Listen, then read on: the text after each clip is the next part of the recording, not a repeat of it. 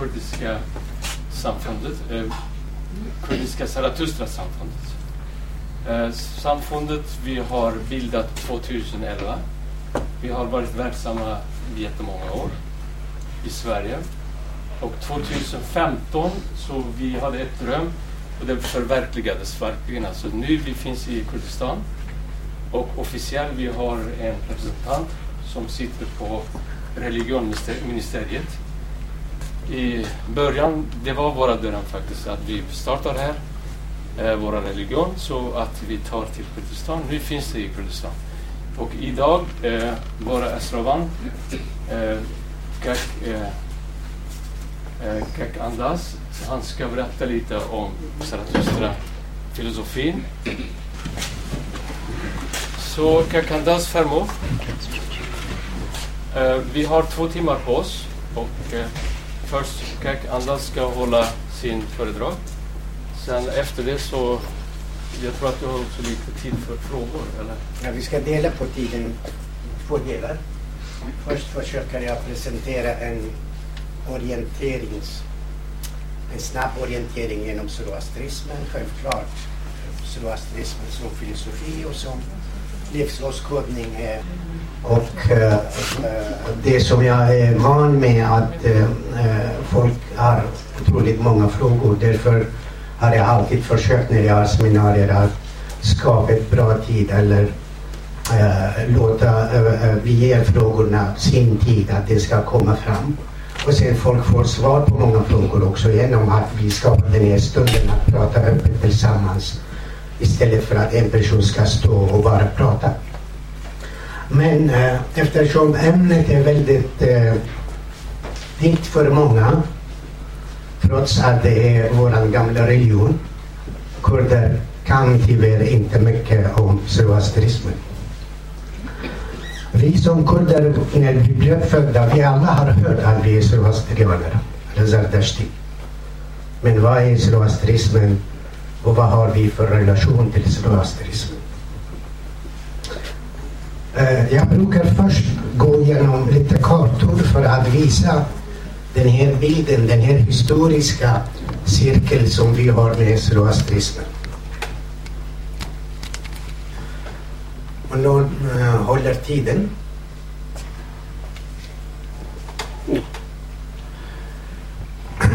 Vår historia, eller religionhistoria, går tillbaka till Mesopotamiens första stadscivilisation. Det är sumerierna. Jag vet inte om någon av er är bekant med det. Men den sumeriska civilisationen räknas som civilisationens vagga. Och därifrån började allt. Och därifrån egentligen började den kurdiska historien. Kan vi inte om sumerierna kan vi inte mycket om kurder heller. Uh, när man läser den sumeriska historien och vi pratar 5000 år före Kristus, 4000 år före Kristus. Vi ser att i den adliga klassen, i den sumeriska adlarklassen klassen, blir en separation någonstans i deras historia. Deras prinser och deras kungar delar sig i två delar. En del tar hand om statsskick, att styra staten. En del tar hand om religion. Men de här, de här eh, tillhör samma eh, statsskick, alla är prinser. De som tar hand om religion kallas på kurdiska moh. Och kanske de som är lite vana att läsa kurdisk poesi, då har de hört om moh och mohan. Detta ord moh, eh, Alain mohan, går senare, eh, den är skriven i Avesta-boken som är vår heliga bok, som Mago. Och det här ordet går vidare till, den, till Grekland. Och i Grekland kallas det för magios. Och från magios kommer ordet magi till europeiska uh, språk. Och varför blir det här ordet magi som uh, symbol för de här mo, eller för våra präster? För att de var väldigt duktiga i astronomi De var väldigt duktiga i kemi, i fysik. De var väldigt duktiga i matematik. Så de, var, de hade väldigt stor kunskap om världen omkring. Och de som har läst om sumerierna, de vet att det är sumerierna som har delat året till uh, månader. Och det är de som har delat månaden till veckor. Och det är de som har delat veckorna till sju dagar. Och det är de som har delat dagarna till timmar. Och det är de som har delat timmarna till minuter. Detta kunskap har människan har upptäckt den och har haft den 4000 år före Kristus. Så att vi har en vecka på sju dagar, en timme på 60 minuter. Det är inget som vi har upptäckt. Vi är som moderna människor. Men det har vi ärvt och det har funnits i flera tusen år. Och när vi ser den där bilden av utveckling som fanns i Mesopotamien, då kan vi börja ana lite grann att även produkten som kallas för religion idag, den mesopotamiska civilisationen, har ett väldigt stort påverkan på det. Oavsett vilken religion som vi pratar om. Sen historiker när de pratar om civilisation, de säger civilisationen började i Mesopotamien 4000 år före Kristus. 2500 år före Kristus, den nådde Indien.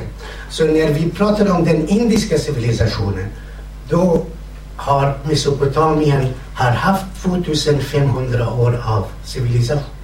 Och sen 1500 år före Kristus nådde den, den eh, Kina, kinesiska civilisationen. Så de här kunskaperna, de här upptäckterna har rört på sig och har vidgat sin cirkel.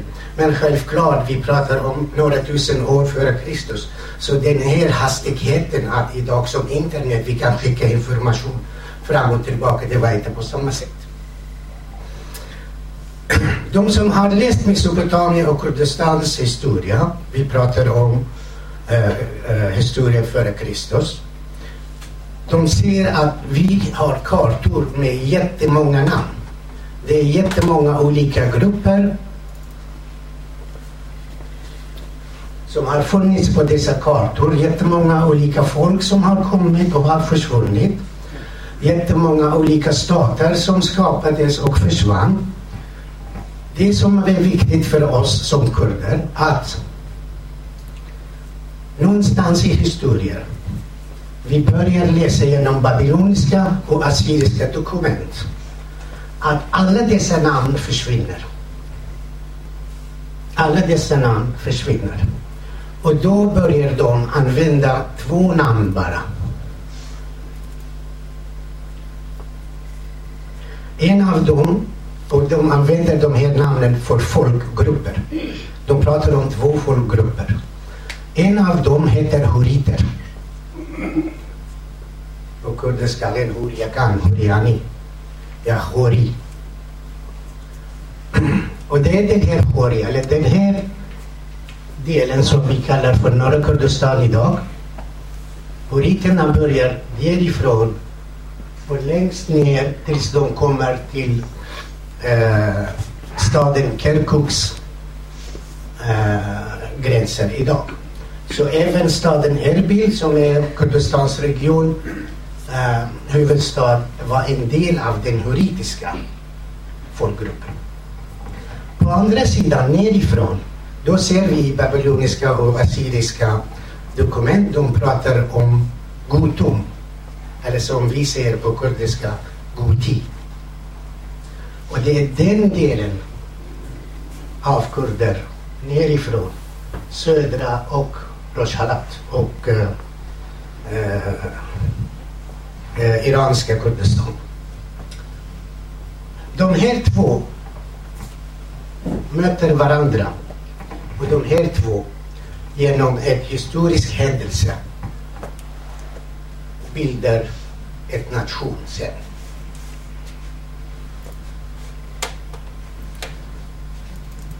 Dessa händelser börjar först i den där staten som heter Mana. Det här mötet mellan uriter och Gutum leder till att vi skapar en stat där uppe, Mana. Vem leder den här staten? Det är våra präster som vi kallar för Mo. Det är våra präster som har funnits med oss sedan den sumeriska tiden. Och det är våra präster som alltid, de här Mo, har alltid byggt stater. Och därför, historien om Magius, historien om Mo, för oss, det är väldigt viktigt att förstå. För att de var statsbyggare. De var inte bara en, uh, religiösa präster. Och de bildar den del staten som heter Mana. Som är grunden för idags kurder.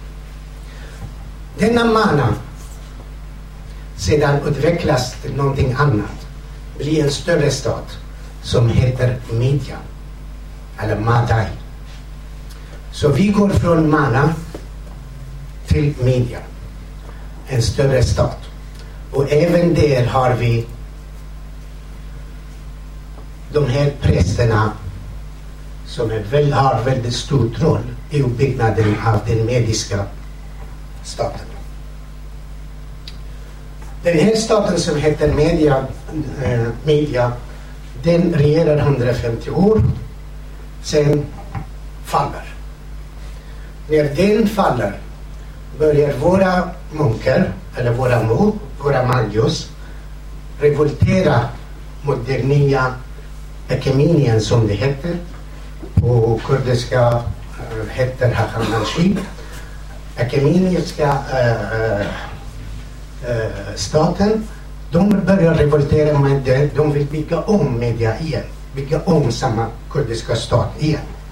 Och därför i den akademiska historien, i den Hachamanshi historien, de har initierat en dag som kallas för Mukuji att döda Bagios. I den dagen hade alla rätt att slakta våra präster. Hade alla rätt att döda Mor, att döda Magnus. I denna konflikt gör att en stor grupp av dessa Magios, av dessa präster, som vi har haft med oss från den sumeriska historien och in i den mediska historien, de flyr från det här området till södra Iran. Det är ett område som kallas för Österhör idag. Och där bildar de igen en liten stat. Och denna lilla stat växer igen. Och i slutet kommer den att bli någonting som heter Sassanidiska riket.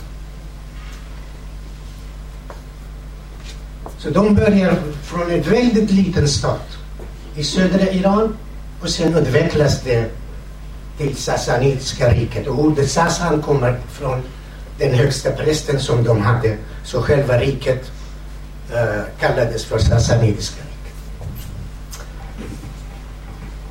Det som är intressant med det här sassanitiska riket, det är att den här processen började från Mesopotamien.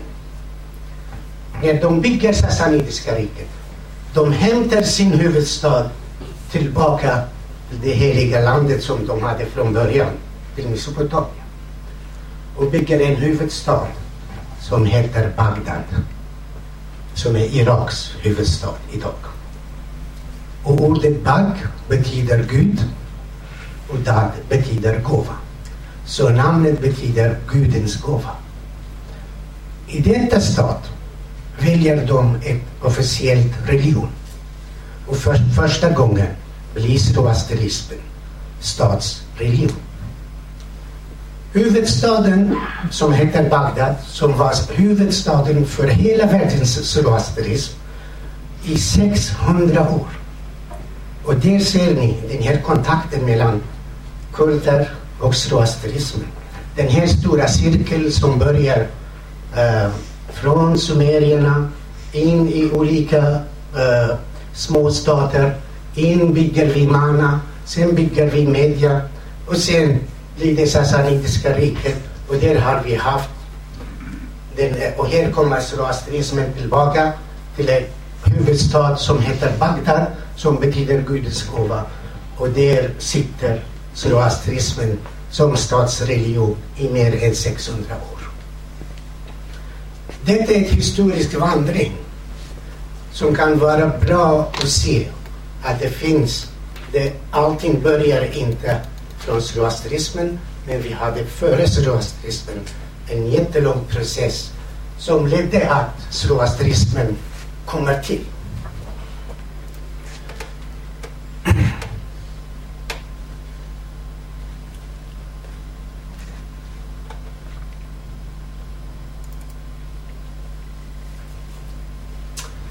När man pratar om Zoroastra, det finns de som säger att han fanns, grekerna säger att han fanns, eh, om vi följer grekiska filosofer som ser sig själva som studenter för Zoroastra, de pratar om flera tusen år före Kristus. Så enligt grekisk eh, eh, uppfattning att Zoroastra har funnits under den sumeriska tiden, 5000 år före Kristus. Men när vi tittar på våran heliga bok och man försöker förstå språket och allt material som finns i den. Det finns en överenskommelse att vi går tillbaka 1000 år före Kristus. Så denna person föddes, eller började vara verksam 1000 år före Kristus. Och detta kan överensstämma med de historiska äh, äh, efterlämningar i den del i Manastad så den här personen, han var född innan den mediska staten, i perioden Mana. Och sen, när, för att när vi kommer till den mediska staten, där ser vi tydliga tecken på zoroastrismen i religionen, i namn och allt. Vad har denna person sagt? Vad har denna person gjort? Någon fråga hittills? Kanske, kanske kommer senare, eller? Lite senare. Om det är en... Ja, en, en kort fråga, ursäkta. Eh, vad heter den heliga boken? Du sa en, en, heliga bok. Heliga... Ja. Avesta, Avesta. Ja. Vi har en profet som heter Zoroastra och vi har en bok som heter Avesta.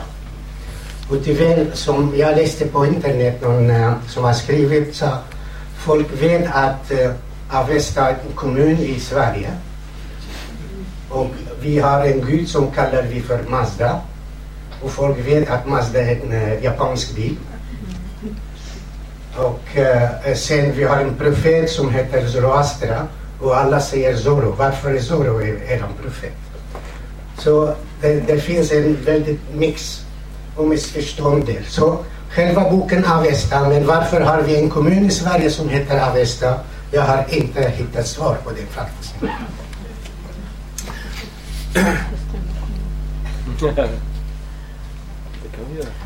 Så härifrån har vi pratat lite grann om vad är magi, magios, buramo, för att de är väldigt viktiga i vår historia. Kan vi inte Magios historien kan vi inte uh, uh, kurdiska historien. Och för er som förstår kurdiska och kommer från Mellanöstern, det här ordet magios, den gick till arabiskan och blev majus. Och ordet majus, när de använder det idag, de använder det för de som dyrkar eld, otrogna, de som inte har religion. Så den används på ett väldigt negativt sätt. Och därför många som skriver mot kurder, då säger kurder är majus. De är elddyrkare. Men arabiskan tog det här ordet från grekiskan. Så själva ordet är magios och den kommer från grekiska till arabiska. Men de har tillämpat det på fel sätt. Och ordet magios betyder en präst. Det är magu, moh. Så det är en präst.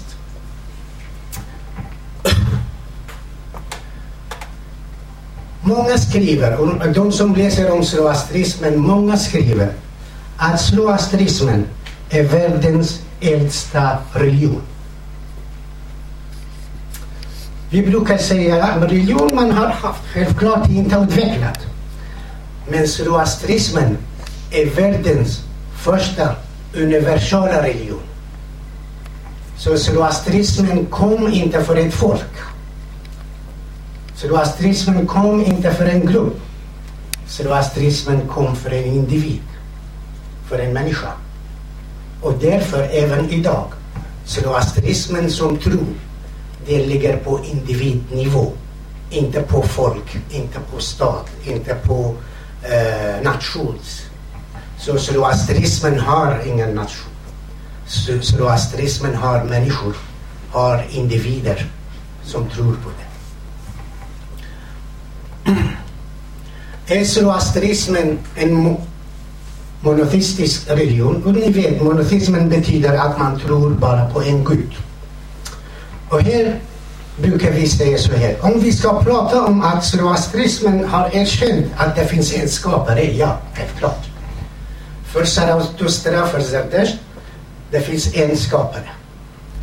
Som vi kallar för Ahura Mazda. Och vi kommer utveckla vad ordet Ahura Mazda betyder. Men vi kallar inte zoroastrismen för monoteistisk religion. Den är monolitral. Och där kommer skillnaden. Vad är skillnaden mellan det här? Eftersom Zoroastra tror på att det finns en enda källa för allt, att det finns en skapare för allt. Så varför är ni inte monoteister? Nej, vi är inte monoteister bara för att vi har en individreligion. Det är på min nivå. Det, jag har valt en tro. Vi nekar inte att andra får ha andra gudar. Vi nekar inte att andra får ha andra religioner.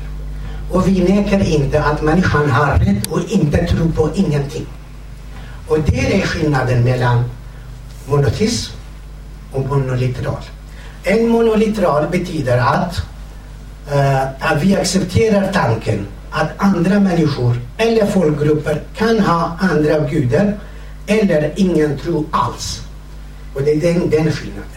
Och egentligen när vi tittar på alla kurdiska religioner som finns idag, som SD, som Yarsan, som Alavi, eh, som Zardashti, vi är alla monolitrala.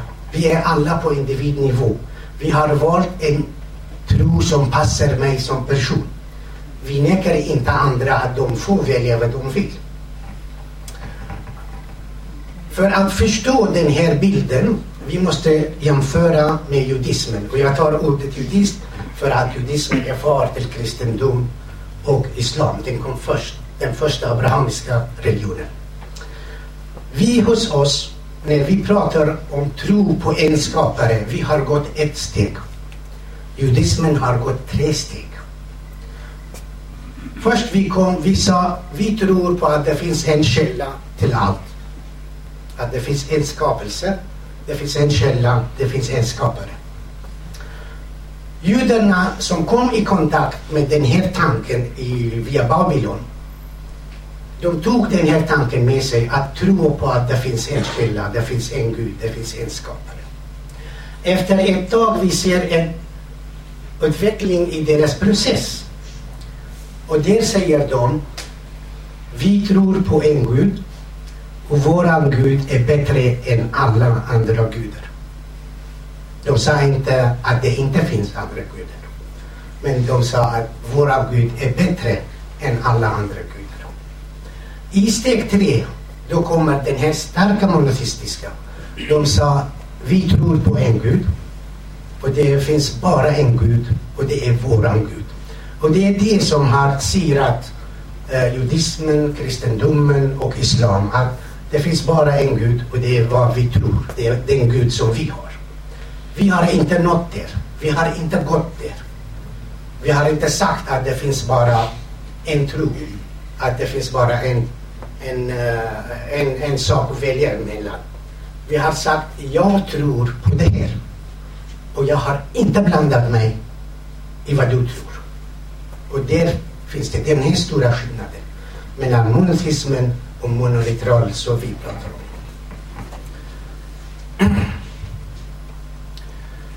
Som jag sa att vi har eh, en skapare. Egentligen idag eh, alla använder ordet Gud för eh, Ahura Mazda. Men vi började använda ordet Gud när eh, araberna kom till Kurdistan, när islam kom. Annars innan dess vi har alltid, alltid ordet Ahura Mazda eller vi har på kurdiska ett ord som heter Yazdan eller Esdan. Så det, det, för att ordet Gud på kurdiska handlar om egendom, att någon som har makt och kan äga. Och den här tron som vi har för Ahura Mazda, vi, eh, Ahura Mazda för oss, han är inte alls mäktig. Han är inte stark som andra gudar som finns i islam och i kristendomen som kan göra det här och kan göra det här. Den del att, och han äger inte, eller hon äger inte allt. Så det här, när det har med egendom att göra och allsmäktigheten att göra, de där två bilderna ser vi inte hos Ahura Mazda. Därför har vi i början inte använt ordet Gud för dem. Men idag använder alla ordet Gud. Själva ordet Ahura betyder stor. Mazda betyder intelligent, vetande. Och härifrån börjar zoroastrismen. Så Zoroastra har inte pratat om en gud som är stark. Han har pratat om intelligens.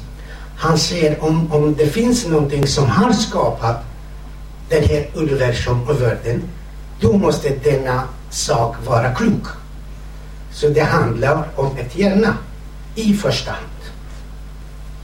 Så finns det inget hjärna, finns det ingen, ingen eh, intellektualitet, då kan man inte bygga allt det här.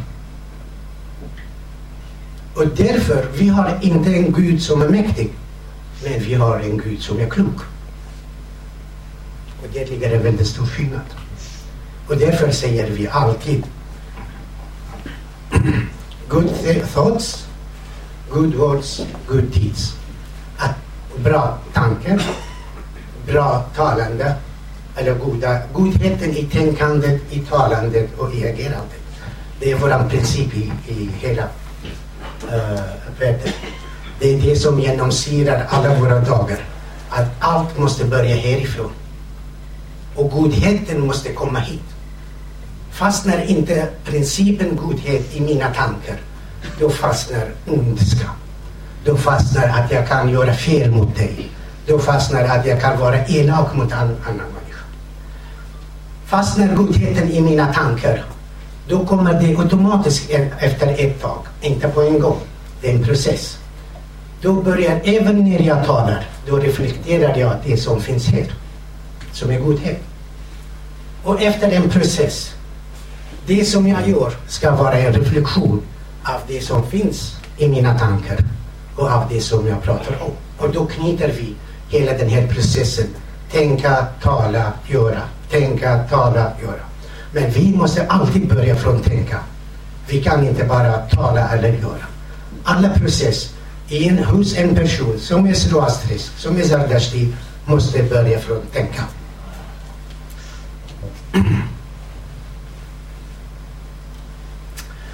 Eh, kommer fråga, de här frågorna faktiskt, jag hittade på internet. Jag tror att eh, vi har en kär eh, vän som heter Ashk Dalin. Jag tror, jag är inte säker, men jag tror det är han som har ställt frågorna och skrivit dem. Han är docent eh, på Stockholms universitet och eh, eh när vi kom till 2011, eh, vi träffade Ashk också. Och jag ser att han gör ett väldigt bra jobb nu för att han börjar skriva på svenska. Och det har varit ett brist. På engelska hittar ni hur mycket material som helst. Sedan 1700-talet. Men på svenska har vi varit väldigt fattiga. I början av 1900-talet, vi ser lite, uh, uh, vi har en bok eller två från eh, Uppsala universitet. Men sen försvinner den här uh, diskussionen om zoroastrismen och sånt. När jag läste själv på universitetet då var Eh, religionhistoria en liten bok. Man börjar alltid från zoroastrismen. Så man får en bild av den eh, när man pratar om eld, eh, världens äldsta religion. Då börjar man från zoroastrismen, sen går man vidare för att titta på andra religioner. Som jag sa, Ahura Mazda, vi kallar den högsta intelligenten, som kan på svenska kallas den höga visheten, den visa tanken och godhetens källa. Är Ahura skaparen av allt? Då vårt svar är nej. Och jag tror att det är vi som kurder, vi har en Gud som har inte skapat allt. Och det är en jättestor skillnad. Hos oss, Gud skapar allt som är bra. Inte allt som är ont. Så det finns en godhetsprincip även eh, hos guden. Det som skapar, det, det, det som är bra. Det som är ont, vi kommer till den sen. Vem skapar ondska på jorden? Och det är inte Satan, jag lovar. Är Ahura Mazda allsmäktig? Det har vi besvarat också, nej. Uh, sen har vi någonting som är väldigt viktigt också. Det, det som jag gör, jag går igenom vissa ord som jag tycker att för varje person som vill veta en grund för zoroastrismen är bra att man orienterar sig med dessa ord. Vi har en annan viktig ord som heter Asha. Och Asha är ett lag hos oss. Så man ser, vad, vad eh, gjorde, vad gjorde eh, eh, Gud först? Han säger, han skapar ett hjärna, ett tänkande. Och denna tänkande, denna intellektualitet har skapat ett lag. Och enligt dessa lag kom till universum och kom till vi och naturen och allt som sker nu. Asha, vi kallar den rätta eller 'rethiosness' eller den uh, heliga eh, sanningen. Fördjupar man sig in i Asha-lagen då upptäcker vi någonting fysiskt med den. Den pratar väldigt mycket om orsak och verkan. Så Zoroastra för 3000 år sedan började prata att orsak till allt som händer är en fysisk lag som vi kallar den heliga lagen. Vi kallar det för Asha. Att dessa konflikt, Asha bygger på en konflikt mellan plus och minus, mellan uh, uh, godhet och ondskan, mellan mörk och ljus, mellan allt som är dualistiska saker. Men den här finns i allt. Den här finns i kosmosen och den här finns i en sten på jorden. Och eftersom de här två krafterna, om vi kallar dem för plus och minus, eller positiv och negativ, eller godhet och ondskan, spelar ingen roll. Genom att slå varandra, genom att verka mot varandra, skapas nya saker. Så en produkt av denna konflikt mellan plus och minus, eller positiv och negativ, det, finns, alltid en ny produkt som kommer fram. Och på så sätt utvecklas saker och ting, går framåt eller försvinner. Så den här Asha-ordet är väldigt uh, viktigt i, eh, i vår eh, religion. Och när vi förstår den här Asha börjar vi kunna besvara otroligt många frågor som eh, finns på jorden också. Vi har en annan sak också som är väldigt speciellt för oss. Och det är, vi kallar dem för Amamasha spända. De heliga och dödliga. Egentligen, de här har spelat en väldigt, fortfarande spelar en väldigt stor roll i alla religioner som finns. Eller i, om vi ser de abrahamiska religionerna som finns. Det här kommer från Zoroastra. Den första delen av vår heliga bok Avesta, den heter Gatha. En del säger Gata nu för att man eh, det har försvunnit lite grann från kurdiska. Gaza. Och det är dikter. Så denna profet var poet. Och hans första del, hans heliga bok, är dikter. Och i denna bok pratar han om de här. Ni kan läsa det självklart. Men som jag sa, alltid börjar hos oss här. Vi har ingenting som börjar inte från skallen. Vi har ingenting som börjar inte från logiken. Vi har ingenting som börjar inte från att tänka. Och därför, den första, de här han pratar om, när han beskriver Ahura Mazda, När han beskriver guden, det är de här som han har, eller hon har, eller hen har. Nu blir man förvirrad. Så det är det här som finns hos Ahura Mazda. Och det är det som han uppmuntrar oss att kunna steg för steg lära oss och gå vidare för att komma hit. Det här kallas för mystik på svenska eller latinska. På kurdiska kallas för erfan. För att när, pratar, när man pratar om religioner, vi kan skilja mellan två olika religioner. En del av religionerna, de har en gud som har bestämt allt. Allt är tydligt och klart och alla deras lagar kommer från Gud och människans uppgift är bara att följa efter dem. Vi har inte det. Vi har ingenting som kommer från Gud som säger du måste göra så här. Men vi vet att Gud gav oss det här. Förmågan att tänka. Och därifrån börjar vår process. Så det finns ingenting som är bestämt. Men det finns en gåva. Det är hjärnan. Och det är det som vi ska använda. Så de här två religionerna, det som kallas för sharia-religion och erfaren-religion, eller sharia-religion och eh, eh, vetenskapsreligion, det är de väldigt eh, stora skillnader emellan. Vetenskapsreligion eller erfaren religion, det är det som uppmuntrar oss att vi själva ska vara väldigt aktiva för att lära oss och upptäcka saker. Så det finns inga sharia hos oss som kommer från Gud och säger du måste göra så här och du ska tvätta dig på så sätt och du ska äta på så sätt. Den finns inte. Och därför kommer vi ha ett helt annat mönster i zoroastrismen som kan inte jämföras med abrahamiska religioner. Zarathustra säger, säger till oss goda tankar är nummer ett. Det är vad våra Gud har. Har du passerat det här steget, det är sju steg för att komma till zoroastrismen. Har du lärt dig det här, goda tankar, då kommer du i den andra, till andra steget. Sanning, sanningen och rätt ordning.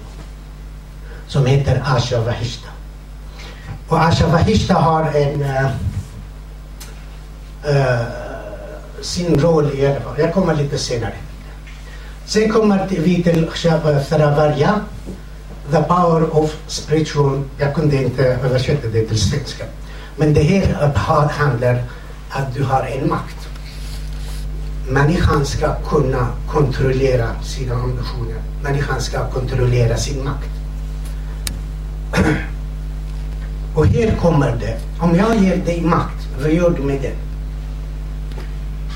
har du inte kontroll över dig själv. För att människan är farligt också. Lär man inte sig att ha kontroll över de här negativa, den här stora makten som du har. Då blir du en diktator, då blir du en mördare, en slaktare. Och därför det är väldigt viktigt att vi har kontroll över den ambition som vi har. Att, äh, äh, över äh, makten som vi har. Sen kommer man till osjälvisk hängivning och kärlek. Det är steg fyra. Vi kommer till perfektion och välbefinnande. Och här handlar mycket om hälsa. Att man ska ta hand om kroppen och hälsa. Passerar vi det här, då hamnar vi på något sätt i ett dödligt, odödligt läge. Att vi kommer leva länge. Och sen i slutändan kommer vi till det här stadiet. Spantamanio. Den perfekta människan. Den här perfekta människan har tolkats på lite olika sätt eh, i europeisk litteratur under olika perioder. Och ni som kanske alla har hört om Nietzsche och hans bok Så talar till alltså Zoroastra och Nietzsches bok, han samlar det här. Det är kamp för att skapa den perfekta människan. Men Zoroastras tanke skiljer sig från Nietzsche på ett sätt. Nietzsche pratar om den perfekta människan. Och det här uh, tänkandet om Superman, stormannen som kommer härifrån också. Och för Nietzsche i slutändan, eftersom han når den där uh, uh, klassen av den perfekta människan, blir han ensam och tar livet av sig. Så det slutar att man blir ensam, ensamhet.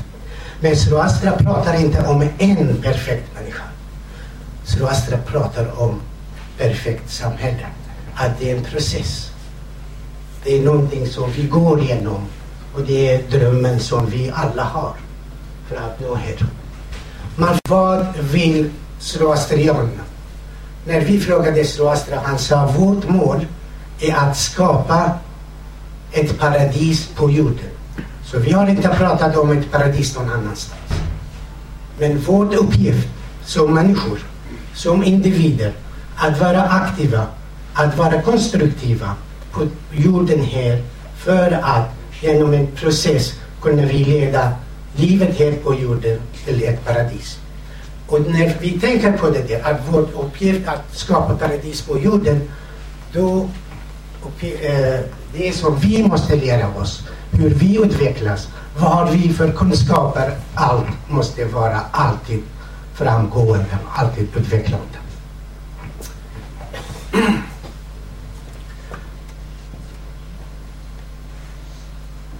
Det här med kosmologi, jag har pratat om det lite grann eh, när man pratar om äh, Asha-tänkandet, om det där Asha-lagen, att genom Asha-lagen har, vi, eh, har Gud skapat kosmos. En annan viktig sak i zoroastrismen, relationen mellan människan och Gud. Vi har självklart, när man har ett religion, då bygger man berättelser också. Vi har en berättelse som säger att Gud frågade oss innan vi blev människor, vi var inte människor. Om ni får kropp från mig, är ni beredda att vara min medarbetare för att bygga ett paradis på jorden? Och visst var det ja. Då fick vi våra kroppar. Och härifrån kommer den här djupa relationen mellan oss och mellan Ahura Mazda, mellan våran Gud. Vi är inte slavar. Vi har aldrig varit slavar. Vi är medarbetare. Och lyssna på det här också. Enligt oss, Gud kan inte ensam bygga ett paradis på jorden. Om vi som människor är inte aktiva, Gud klarar inte av det. Och det ser ni, den här stora skillnaden när vi pratar om Gud och Gud och Gud. Så vi har inte en Gud som kan göra så här och allt blir bra. Men vi har en process som börjar alltid från tanken. Och därför, här skiljer det också väldigt mycket. Man pratar om dualismen i zoroastrismen. I zoroastrism finns någonting som heter för etisk dualism. Vi säger inte att det finns två källor till skapelsen. Vi säger att det finns en källa till skapelsen. Och när man läser eh, uh, Zoroastras dikter då förstår man att när han berättar, han säger först var det ljuset. Och sen från ljus, eller från energin, kom material. Och där har vi en person för 3000 år sedan där han skriver skapelsen av eh, universum. Han börjar att det har existerat energi. Det är ljus och därför till och med idag elden är helig till oss, solen är helig till oss. För att det är en symbol av belysningen som vi har på jorden. Det är en symbol för själva skapelsen. Så han börjar från, först fanns det energi, först fanns det ljus och sen kom eh, material till. Och självklart, ni vet att det finns andra teorier som säger att det, fann, det kom material och sen kom energi. Och lite. Men för 3000 år sedan Zoroastra har berättat, har tagit sitt beslut. Enligt honom, enligt mig, enligt vi zoroastrianer, allt börjar från ljuset och sen kommer det. Sen vi har pratat mycket om människan och eh, äh, människans så. Och jag sa att Gud ensam kan inte skapa ett paradis på jorden. Men utan människans hjälp. I allt som vi har pratat om mm, att det finns två krafter. När vi berättade om Asha-lagen. Det finns det positiva och det finns det negativa. Och det finns i allt. Även i människan. Och vi pratar om att själva våran Gud Ahura Mazda har inte skapat elände eller ondska. Men enligt oss det är människan som kan skapa ondska. På samma sätt som människan kan skapa godhet. Människan kan skapa sorg. På samma sätt som man kan skapa glädje. Så den här dualismen, den här etiska dualismen, den här positiva och negativa energin, den finns hos oss. Den finns hos mig som en individ. Och denna positiva energi, jag kallar det för spantamanio. Och den negativa energin kallar jag det för angramanio. Och angramanio, idag kan vi säga angry mind. Så den här manio, så i mig finns det två delar. En är som är lugn, sansad, intellektuell och den andra arga delen. Och det är bara genom utveckling, genom ut, äh, utbildning kan vi göra så här att min goda halv, min intellektuella halv, tar kontroll över mig, den ondskan som jag har. Vad betyder det på kurdiska? Va? Det på kurdiska? På kurdiska. Angramanio de beta ahriman. Shaitan. Så de finns inne i mig. Så när vi pratar om Gud och Satan, vi pratar ingenting som ligger utanför mig. Vi pratar om krafter som finns i mig. Och hur ska jag använda det? Och när vi börjar förklara att eh, eh, använda våra krafter på ett positivt sätt. Därför säger vi att Zoroastra har börjat allt med en att tänka. Det börjar härifrån. Har du godhet i den tänkandet, då kontrollerar du mycket mer den önskan som finns i dig. Och för att den här tänkandet ska vara konstruktivt, ska vara bra, då behöver du vara utbildad. Då behöver du kunna läsa för att kunna analysera, för att kunna göra ett val som är grundtanke i zoroastrismen, det fria valet. Och det fria valet, det är du som gör det som människa. Du väljer det som är bra eller du väljer det som är dåligt. Och det där valet gör vi varje dag. Så varje dag vi kan vara goda människor eller eländiga, onda människor. Det som vi är efter, att genom utvecklingen, att genom själva processen, att vi tar steg för steg blir mer goda än onda. Och sen man pratar om att det finns tre tillstånd alltid. När jag vill köpa någonting då börjar jag tänka. Eller jag vill göra en handling, göra någonting. Då börjar jag tänka. Mina tankar, kan resultatet av den vara bra? Då är det en god gärning. Eller mina tankar, kan resultatet av det vara ond eller dålig, Då är det en ond gärning. Men medan jag är i mitten, jag tänker inte, jag väljer inte. Jag behöver inte göra ett val. Då är jag neutral. Så jag kan vara positiv, jag kan vara negativ. Och när jag står inte framför ett val, då är jag i mitten. Då har jag inte uh, uh, den här negativa och uh, positiva sidan. Och det är det här som är en vardag för oss. Och denna vardag kan förbättras genom människans utveckling.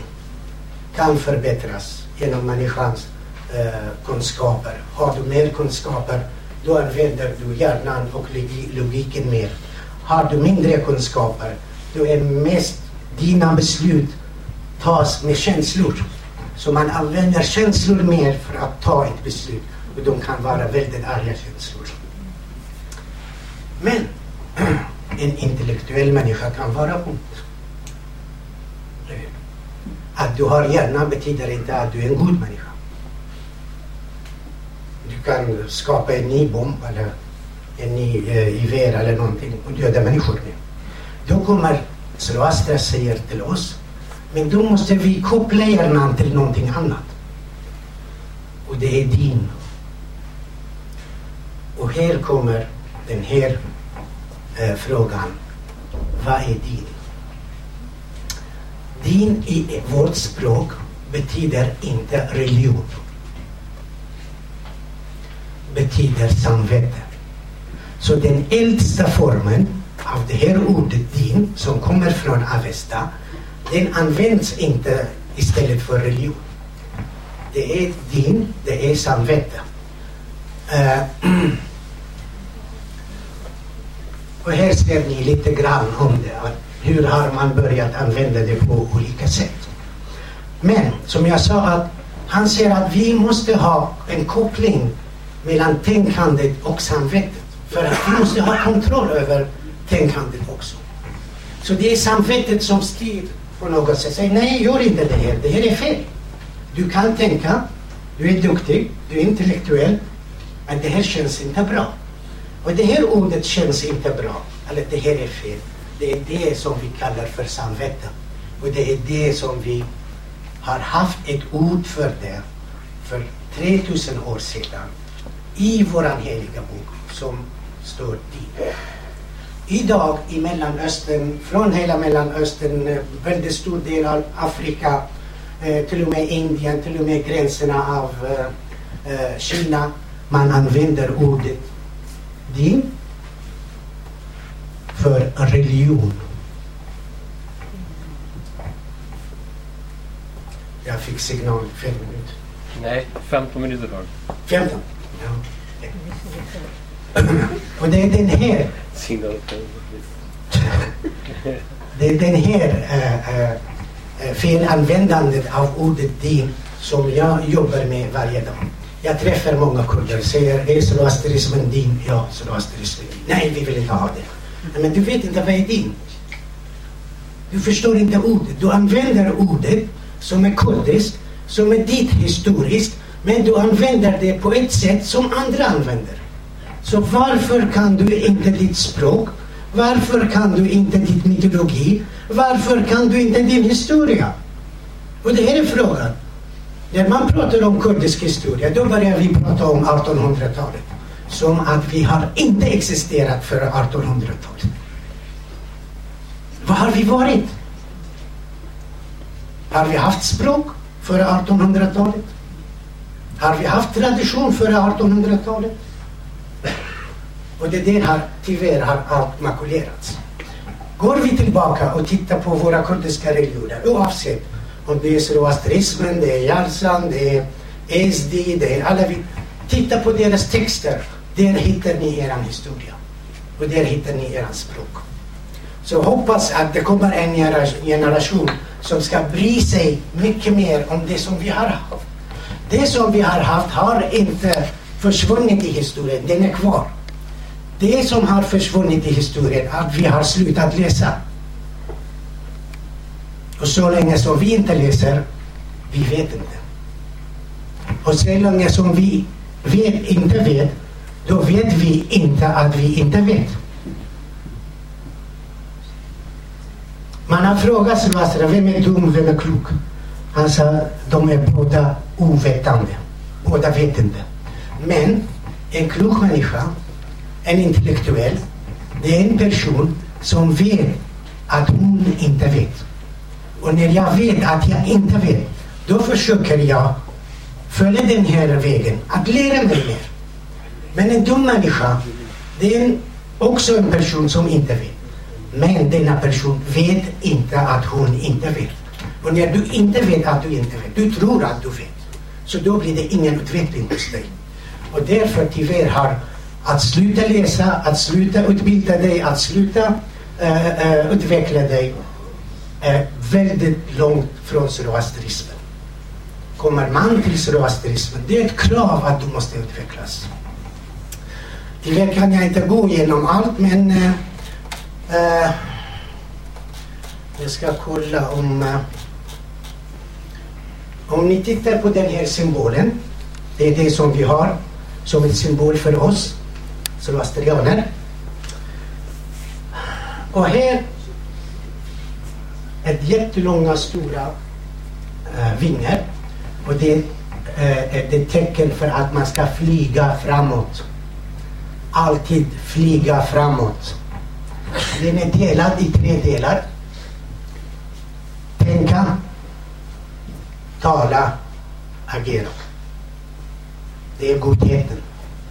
Men vi har sagt, det är inte bara de här tre goda sakerna som finns. Det finns ondska också. Det finns tänka, tala, agera på ett ont sätt. Så det här är bra. Tänka bra, tala bra, göra bra. Och det här är motsatsen. De här två, det är en av dem som vi kallar för Spantamanio, den heliga tänkandet. Det, det är det som vi strävar att komma fram till. Och den andra det är det som vi kallar Angramanio, Eller idag på kurdiska säger vi ahriman. Den största önskan, den största underutvecklingen. Det är motsatsen till utveckling. Den här lilla ringen, det är, att det är ett löfte. Vi har lovat våran Gud att vi ska följa den här äh, vägen. Vi ska vara väldigt aktiva på jorden. Vi ska vara konstruktiva och vi ska vara en del av dem som tar eh, civilisationen framåt och bygger ett paradis på jorden. Den här lilla ringen används idag när man förlovar sig. Man tar ringen på sig och lovar. Det här har vi gjort för flera tusen år sedan. Och det är prästen som pekar mot solen och pekar mot uh, himlen. Och nu ska jag visa er en bild från en annan civilisation. För att när man pratar om det här, man ser det att det har kommit väldigt sent.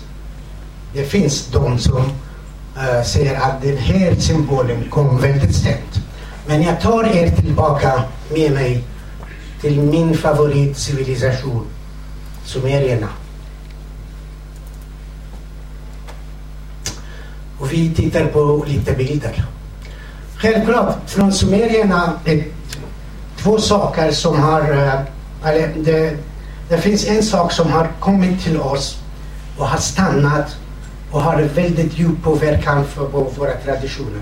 Och det är nummer sju. Det är nummer sju. Det är därför veckan är sju dagar. Och sen man pratar om himmel, säger himmel är sju, eh, vad heter det, etapper eller sju delar och man har festat sju dagar och sju nätter. Så det här ordet sju sitter fast hos oss. Självklart att eh, den början av den här eh, eh början av den här sjun kommer från sumerierna och det är de sju planeterna. De sju planeterna som senare tar en mer religiös uh, färg på sig. Och nummer sju, när man kommer till zoroastrismen och frågar oss varför har ni nummer sju som helig?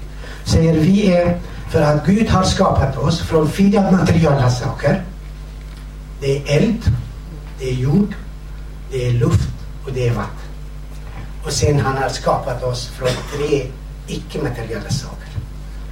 Det är anden, det är eh, eh, eh samvetet och det är livet. Ordet liv hos oss har icke-material betydelse. Så alla tre plus fyra, då blir det sju. Och då blir det att vi har en komplett människa. För att du är en blandning mellan den andliga och den materiella. Och då blir man komplett. Annars man är material eller ande. Blandas du ihop, då blir du en människa. Men grunden till den här nummer sju går tillbaka här. Den här är 3000 år före Kristus. Och titta på vad har vi här? Vi har samma symbol och vi har nummer sju. Tittar vi på en bild till. Och det upprepas i hela den sumeriska uh, historien, den här flytande uh, människan.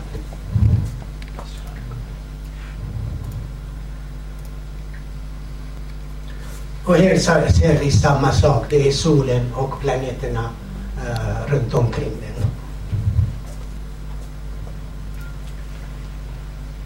Där ser ni i hörnet på samma sätt.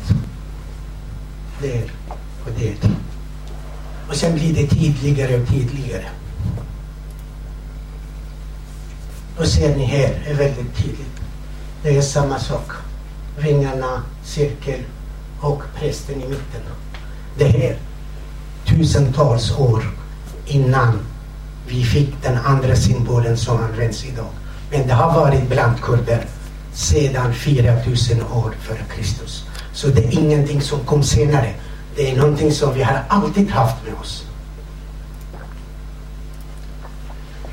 Här ser ni samma sak, samma symbol. Det är vingarna, cirkel, prästen och, och. Så därför säger jag att det finns jättemycket i er. Det är andra som har skrivit om det. För att vi har slutat forska själva. Vi har slutat skriva själva. Vi har slutat undra vad har vi haft för historia, för religion, för språk. För då finns det biprodukter någon annanstans som kan vara mixat med väldigt felaktiga information. Det kurdiska nyåret, självklart, de som, har, de som är kurder vet och kanske resten har hört också. Den heter Nauruz. Den nio dagen och det är 21 mars. Och det som är intressant här. 21 mars har alltid varit den första dagen i det sumeriska kalender. Då går vi tillbaka till Sumer igen. Uh,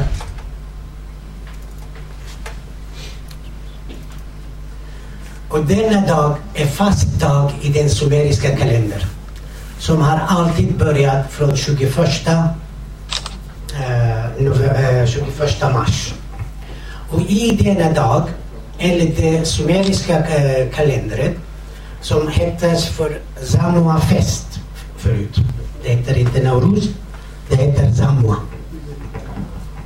Det är en sumerisk dokumentation självklart. Och i den dagen, den 21 dagen som är första dagen i våren, då gifte de två gudar tillsammans. Domosi med Anana. Det här är gudinna och Gud. Och då gjorde man ett väldigt stort fest för dem och teater så man visade hur de här två gudarna gifter sig med varandra. Och hos oss finns det fortfarande ett teater, ett spel som är kopplat till Nauruz. Och den finns bara hos oss kurder. Vi har Kawa äh, Kawa teater fortfarande. Så vi har fortfarande teater, ett spel som är kopplat till firandet. Men under den sumeriska perioden, eller uh, Zamua-festen, då var det Dobuzi och annan. Och det var 21 mars. Och därför hos oss, vi, även i kurdiska eh, zaratustiska samfund, vi har satt fasta tider för våra he, eh, heliga tider. 21 mars är den första dagen i vår kalender. Det som var intressant med det sumeriska kalendern, att denna dör den 21 september. Och om ni tänker så här. Härifrån, från 21 mars, då är bli, blir ljusare och ljusare hela tiden. Vi kommer till sommar. Tills vi kommer till 21 september. Då är det höst, vad heter den? Höst... Äh, Eh, Utjämning. höstutjämningen, jättebra. Eh, Det blir höstutjämningen. Och från 21 mars, då börjar mörkret sakta, sakta bli längre än ljuset. Tills vi kommer till 21 december. Då har vi årets längsta natt. Och den natten kallar vi för Shövezain, födelsenatten. En del använder ordet Jalda för den, Shöve Jalda. Men Jalda är ett syrianskt ord som betyder födelse. Därför på kurdiska Shövezain är väldigt korrekt, eller Christmas. Denna natt, 21 mars, eh, 21 december, enligt den kurdiska traditionen, man ska inte sova. Man satt hela natten och berättade långa berättelser för varandra. För att vi vill vara med och skapa ljuset igen. För att efter det här, den längsta natten, kommer en sekund att ljuset blir återfött. Att det blir ljusare i världen. Det blir inte ljus på en gång. Men själva födelsen kommer direkt här. Och vi hade en tradition på tre dagar. 22, 23, 24. Och det är en tradition väldigt gammalt att när barn föddes, i en period som dödligheten bland nyfödda barn var väldigt hög. Man väntade alltid tre dagar för att säga att det här barnet ska leva vidare eller försvinner. Denna tradition självklart under den perioden som vi hade mitraismen som religion, den gick till romerska riket. Och idag firas det som jul i eh, europeiska eller kristna världen. Eller Christmas. Så när vi kommer till dag 25, denna dag kallades man på latin eh, Dies Natlis Solis Invecti. Den obesegrade solen. Den obesegrade solen. Så man väntade tre dagar på solen. Vi vet, efter den längsta natten föds solen igen. Och tre dagar, vi tar hand om denna nya, nya, eh, detta nya barn. Som en ny sol, en nyfödd sol. Vi firade tre dagar tills vi kommer till 25. Då vet vi att solen ska inte försvinna. Den går vidare. Då blev det den 25. Juldagen idag i Europa. Den har försvunnit hos oss. Och det är frågan, varför har den försvunnit? Vi har haft det i flera tusen år. Och det är fortfarande här i Sverige, i Stockholm, kan du eh, köpa en julstjärna som är röd med sju spetsar. Inte sex, inte fem. Och jag brukar alltid säga, om en person kurd, han ska ha en stjärna hemma med sju spetsar och det ska vara rött. Så vi är tacksamma att vi kom till Sverige. Vi är tacksamma att vi såg en väldigt gammal del av vår tradition och historia som har tyvärr försvunnit från oss. Som tyvärr kan vi ingenting om det. Men kommer vi till Norden, då upptäcker vi oss själva igen. Så tack Sverige för att ni har behållit det här. Från den här födelsen av solen fortsätter solen bli starkare och starkare. Den har inte besegrat äh, mörkret än. Men den fortsätter bli starkare och starkare. Tills vi kommer till Naurusdagen 21 mars. Då är det vårutjämningen. Då blir det mörkret och ljuset lika långa. Men från och med 22 mars då ljuset besegrar mörkret blir längre och längre och längre. Tills vi kommer till 21 juni. Som på kurdiska vi kallar det för Havin eller Chilei Havin. Den 40 kallas det. Och då var en stor fest också. Och från 21 juni går vi till 21 september. Och det blir vi jätteledsna igen. 21 september, det var en högtid också som kallas för Mehrajan. Och Mehr på kurdiska, eller på modern kurdiska, eller från sassanidiska perioden, det är Mitras namn. Så Mitra heter i kurdisk litteratur för Mehr. Mehrajan, det betyder Mitras liv. Den dagen, det är Mitras fest. Ordet Mehrajan, den har gått in i många andra språk idag som används istället för karnavaler. För att denna karneval, det var då 21 mars, det var en skördefest. Då är det Mehrajans fest. Och sen från Mehrajan går vi till längsta natten 20, 21 eh, december och sen vi cirkulerar igen. Så dessa fyra högtider, de har alltid funnits. De har spelat väldigt stor roll hos oss.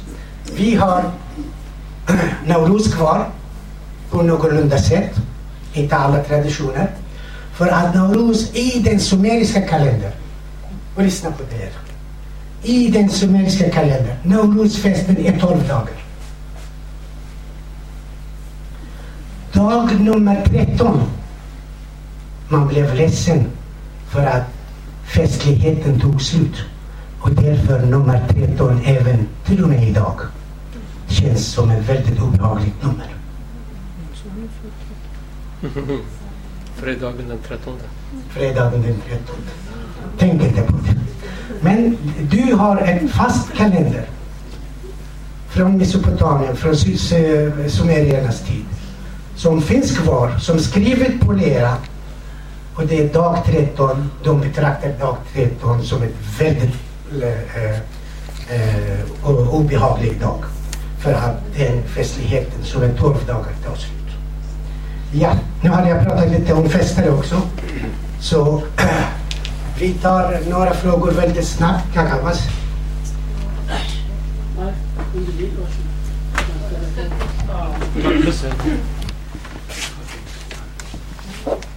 Intressant det här med, med sommarsolståndet, vintersolståndet. Det följer ju eh, våran hedniska eh, religion Ja. kan vi säga.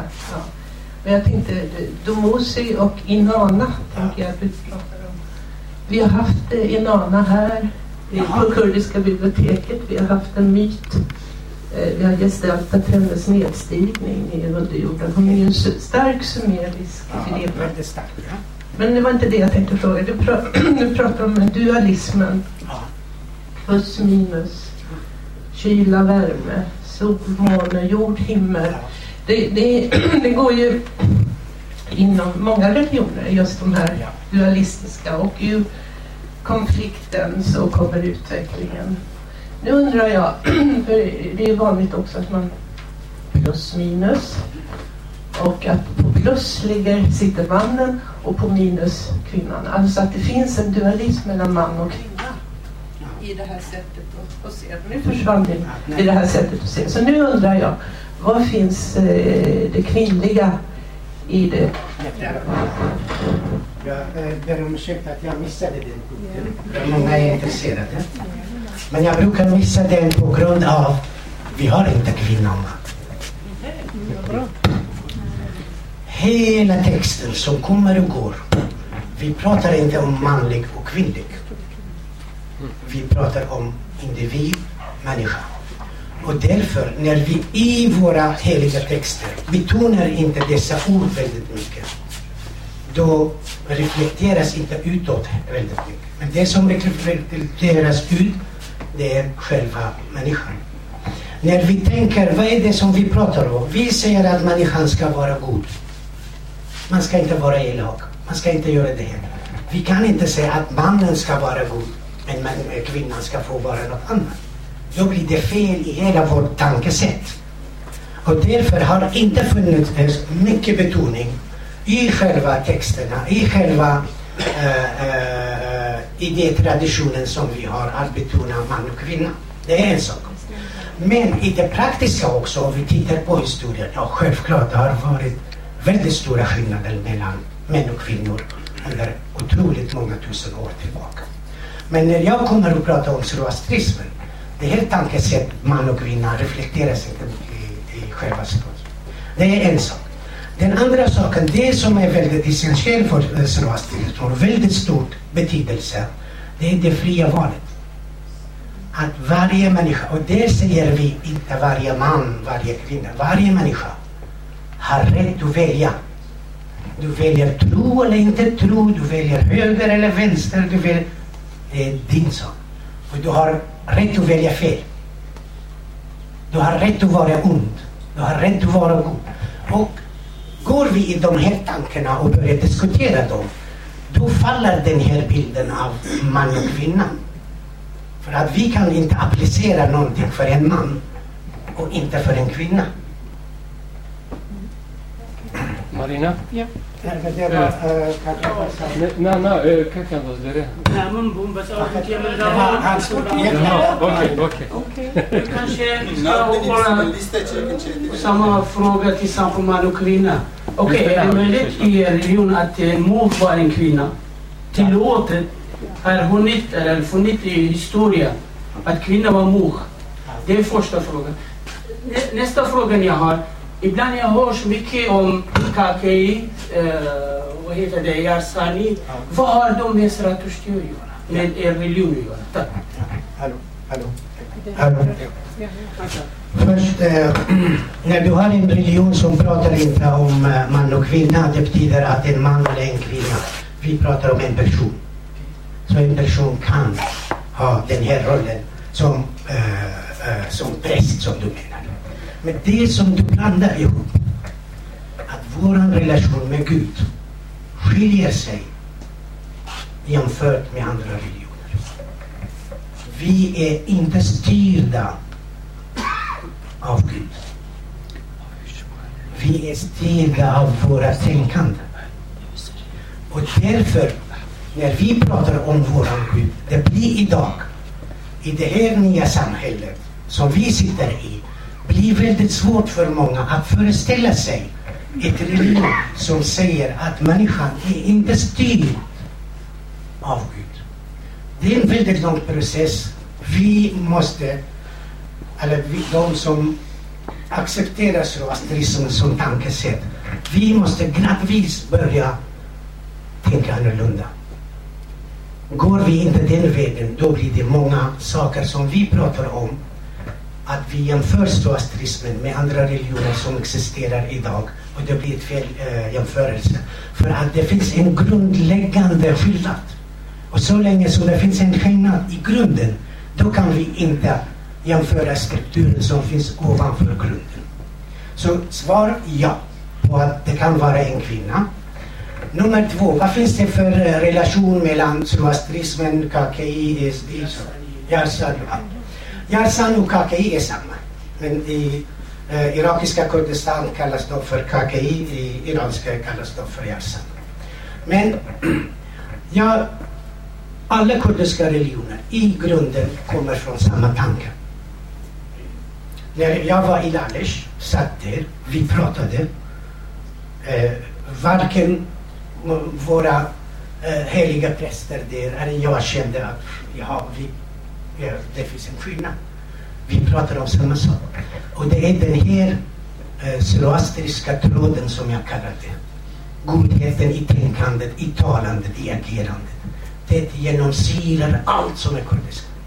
Allt tänkande. Men vi har en historia också som har påverkat oss på olika sätt.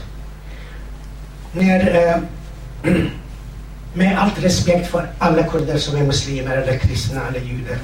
Men när vi kom i kontakt med andra religioner under vissa eh, politiska epoker fanns det krav på oss. Det politiska krav. När man byggde den islamiska staten, till exempel SDR försvann inte. Men det blev krav på dem att konvertering ska stoppas. Ingen kan bli SDR. Idag de måste vara gifta med varandra och födda av varandra. Yarsan, eh, SD, eh, alaviter är samma sak.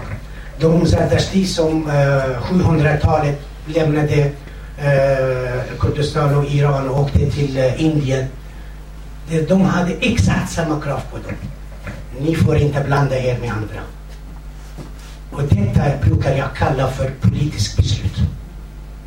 Det har alltid varit politiskt beslut som har gjort att vi bygger små samhällen långt bort i ett berg, sitta ensamma där och leva ensamma där. Men det var historiskt, politiskt krav. Ingen naturutveckling, naturlig utveckling.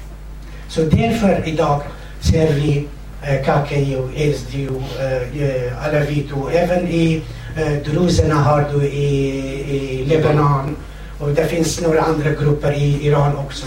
Men alla lever som små samhällen och det finns krav på dem att de har inte rätt att sprida sitt religion.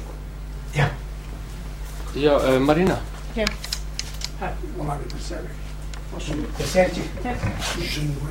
Ah. Här har du en av våra prästinnor i Kurdistan. Du är vår representant i, Här. i regeringen. Hon är... Vår första präst i Kurdistan Kvinnliga kvinna.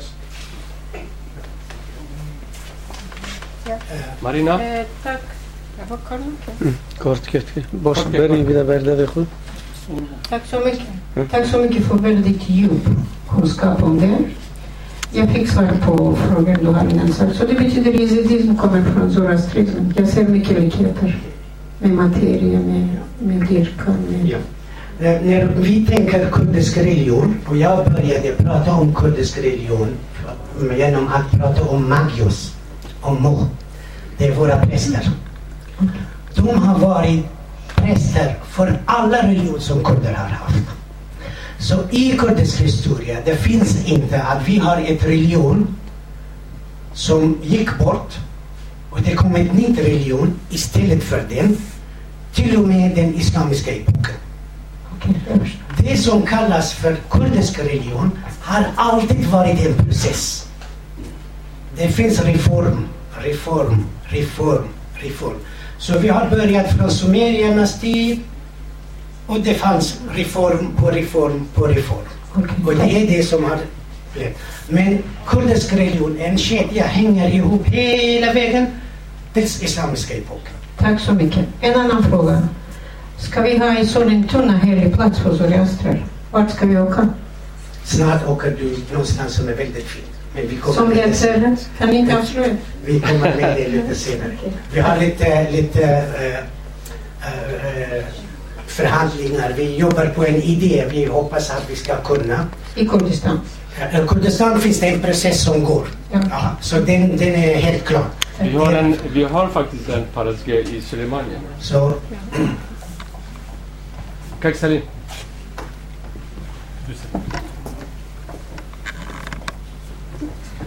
Ja, tack så mycket. Det var väldigt givande och lärorikt seminarium kan jag säga. Jag har dels mm, att ställa frågor och dels att eh, berätta lite grann om vi har tid förstås.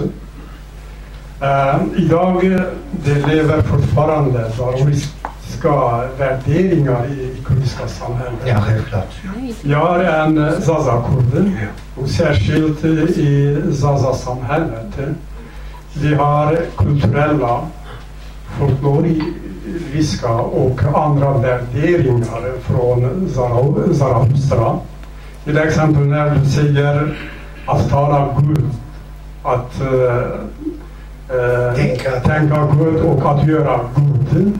Det finns bland eh, Alevi Zaza-kurder att man ska eh, vara akta med eh, tungan, att man ska akta med eh, handen och att man ska akta med bälte eller vad, säger man det på eh, svenska, det kan jag inte.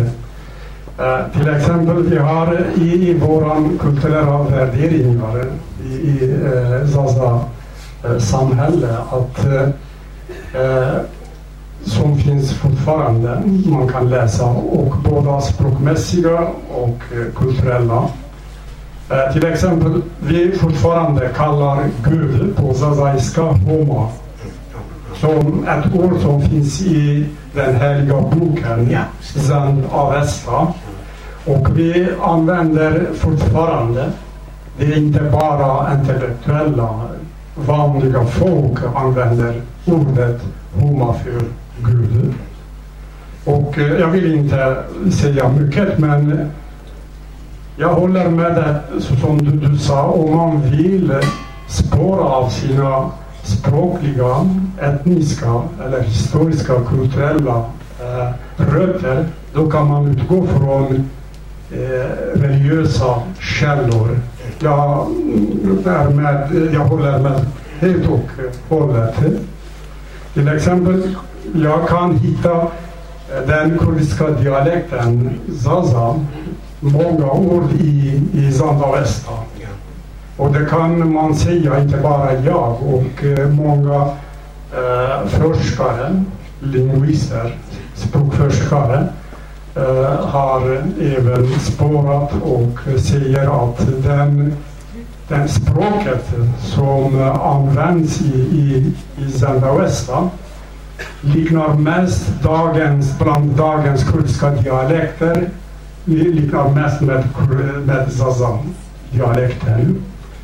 Och eh, när man går tillbaka till, till historien då man hittar under mediernas tiden och eh, det finns en eh, särskild kapital, kapitel i, i, eh, i Taurat, i den heliga boken som heter Esser där man ser också många zazaiska ord där.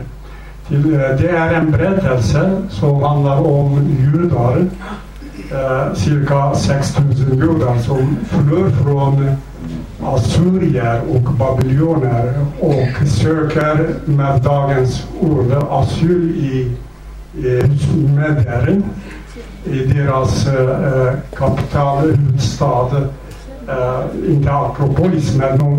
Med, Hamadan, Hamadan. Eh, Hamadan. Det heter Akbatanan. Eh, ja, men, men eh, i, i, i vissa källor kallas någonting med polis, Akropolis sånt. Där äh, finns en väldigt duktig eh, man, en judeman som heter Marduch. Han tar sig med sin brorsdotter som heter Ester. Som ni vet, Ester enligt många forskare kommer från Estar eller Star eller Stern eller st- Stern. Och eh, även eh, namnet eh, Ishtar, gudinna Ishtar, härstammar från det här namnet. Och kungens eh, frudrottning heter Vash, Vashti. Vashti idag använder Zaza kurder som fästmö eller älskarinna. Och det finns sådana många levande ord i det här kapitlet, eh, Ester, som du berättade att det precis eh, det träffar samma tid eh, under den tiden i eh, mediaimperatoriet. Och när man utgår från sådana religiösa källor eller skriftliga källor, då ser man så, så, sådana eh, grejer.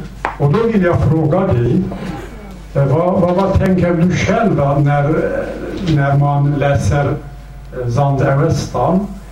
Eh, vilket språk som mest man kan träffa där och med, hur kan du jämföra med kurdiska språkets eh, dialekter som finns fortfarande? Ja. Eh, Det är väldigt... För mig, om om jag pratar om Avesta, inte Zenda Avesta, för att Zend Avesta kommer senare. Och sen Avesta är en eh, typ av eh, eh, förkortning av Avesta för eh, folk att använda. Så det, därför Avesta själv är mycket större. Men det som är väldigt viktigt, självklart när vi pratar om Zaza, eller vi pratar om Hauraman som ligger i södra Kurdistan och i eh, östra. De är väldigt besläktade. De här två är väldigt besläktade. Och det finns den där opinionen väldigt tydligt och klart att det gamla språket har en nära band med dessa dialekter. Men det som är väldigt intressant i Avesta också, det finns ingen dialekt i kurdiska som kan inte hitta släktskapet mellan sig och den gamla boken. Ska jag ge, dig, ge er ett exempel? Ni går till läkare i Sverige och säger till dig andas in, andas ut. Eller hur? Ja. Ni har hört det? Ja, det var bra exempel. And, and på avestiska betyder luft. Asa på avestiska betyder äta. Så tar vi ordet andas som ni träffar här i Sverige tillbaka 4000 år betyder äta luft. Så tänkte människan. Äta luft. Väldigt gammalt. Andas, Andasat. Idag på kurdiska säger vi han asa. Så skillnaden mellan ordet som vi har idag och det som fanns för 3000 år, det är ett A som har blivit H. Så den här släktskapet är väldigt viktigt. Och eh, jag stödjer det som du säger. Och jag uppmuntrar alla att börja titta i de här gamla texterna. Det är inte så komplicerat, bara man har viljan. Andasa till hanasa, ett ord med A till H. Varför blev det så komplicerat? Vi vet inte vad är Avesta. Kan vi inte skilja, kan vi inte ge oss rätt att på 4000 år ett A har blivit H? Varför är det så främmande för oss? Men när vi går inte in, vi fördjupar inte oss i det. Vi har idag i södra Kurdistan, jag kan inte påpeka till andra delar av Kurdistan, minst 20 universitet. 20 universitet. I ingen av dem, i ingen av dem kan du läsa det här. Och de ligger i Mesopotamien. Södra Kurdistan ligger i Mesopotamien. Så de har tillgång till det assyriska biblioteket, till det babyloniska biblioteket, till det sumeriska biblioteket och alla texter som kommer från eh, Avesta och eh, sen Avesta och Ninkerd och alla böcker som vi har kvar. I Avesta har vi 183 000 ord kvar. I sen Avesta som man måste prata om finns det 446 000 ord. Tänk på vilket rikedom bara för språket. Om vi har lust och forska i vårt gamla språk. 183 000 ord är kvar från det äldsta, det gamla språket som fanns. Och sen vi har 446 000 ord kvar. Och då frågar man varför kurder har inget land. Intressant. Mycket intressant. Tack Shokrat. Tack. Det var lite lärorik faktiskt, men det är kort tid. Eftersom du har sagt det, det, det fanns eh, Zaradashti i eh, Mellanöstern, i Mesopotamien. Ja. Det vi accepterar den, men och samtidigt, du och på Avesta, det står hela tiden, talade om egentlighet, smarthet, duktighet, klokhet och så vidare. Och varför vi var inte så kloka och har inte skrivit våra bra svar. på ett sätt. Eftersom när man läser den här Fir- Firdausi, när man läser Ibn al-Muqaffa, då de hämtade bara El Firdausi en gång eh, kurderna eh, under Sasanis-tiden, 330, 330 eh, år före Kristus. Men Ibn Muqaffa var lite bättre. Men varför vi själva gjorde ingenting? Det är en fråga. Andra fråga, eh, vi talade om eh, säga, man och kvinna. Och اتصام به لیگر زرادشتی با فرونبوریان ای میزوپانیا و میوریتیت آن کردن به کرمان فرخوردی کرمان جر هار منو کبین نه و لاندرا دیرانا می درامانتی سی دومان آه یا اوکسیست sist, vad tänker Zratashtina om döden och efter andra liv? Ja, det är väldigt, väldigt långa svar. Det här med döden och andra liv har jag undvikit att gå in i det. För att det blir... Först, eh, det här, varför har vi tappat bort jättemycket? Och jag brukar hänvisa till en viss politik som man hade eh, eh, jag vill inte gärna peka till den islamiska epoken när det kom i början. Men i starten när det kom, det var väldigt eh, eh, eh laddat med olika aktioner, om jag säger så. Vi som kurder, vi pratar om den första vågen som kom. Vi hade inte rätt att sitta med en arab vid samma bord och äta mat.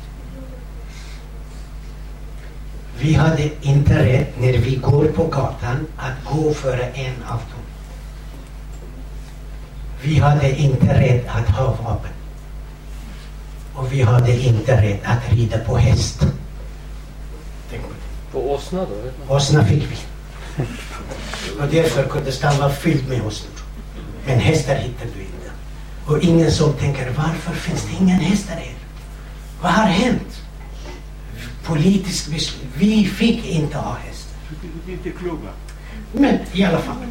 Sen det finns saker som har med reglering att göra när de kom. En av dem är, de som kom med arvlag, en ny arvlag. Som säger den som inte är muslim har inte rätt att äga.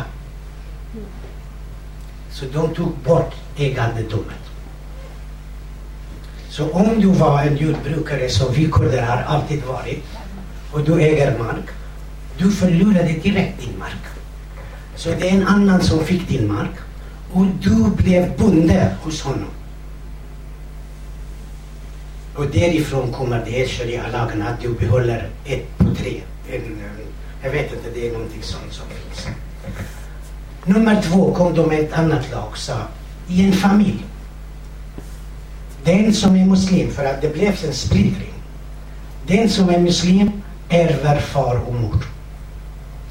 Andra barn, söner och döttrar, som har inte blivit men de har inte rätt att ärva någonting.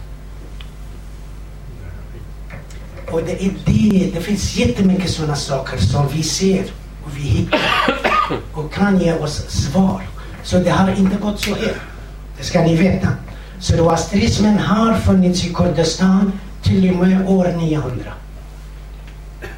År 900 utplånades vi totalt. Men till och med år 900, islam kom 600. Så vi har existerat mer än 300 år efter den här vågen.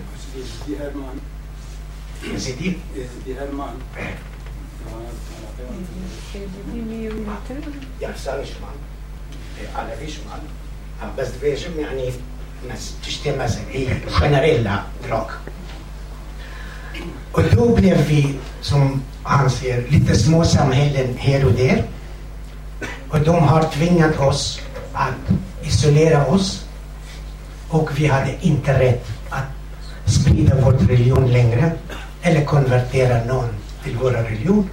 Då i de här små samhällena behövde vi leva själva vi föder själva och de som föds från oss har rätt att vara SD eller Yarsam eller Alavit eller eh, eh, uh, uh, Duruz eller någonting sånt.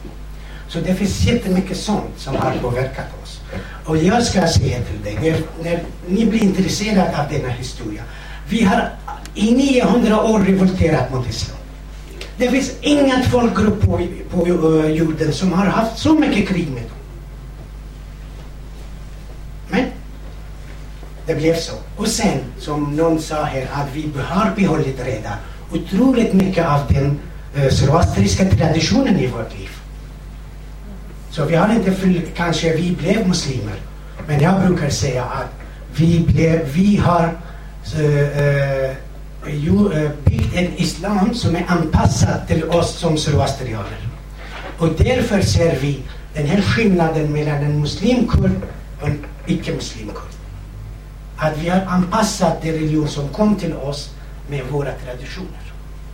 Och jag ska säga till dig en sak. I islam finns det moské, eller hur? Moské har funnits före islam.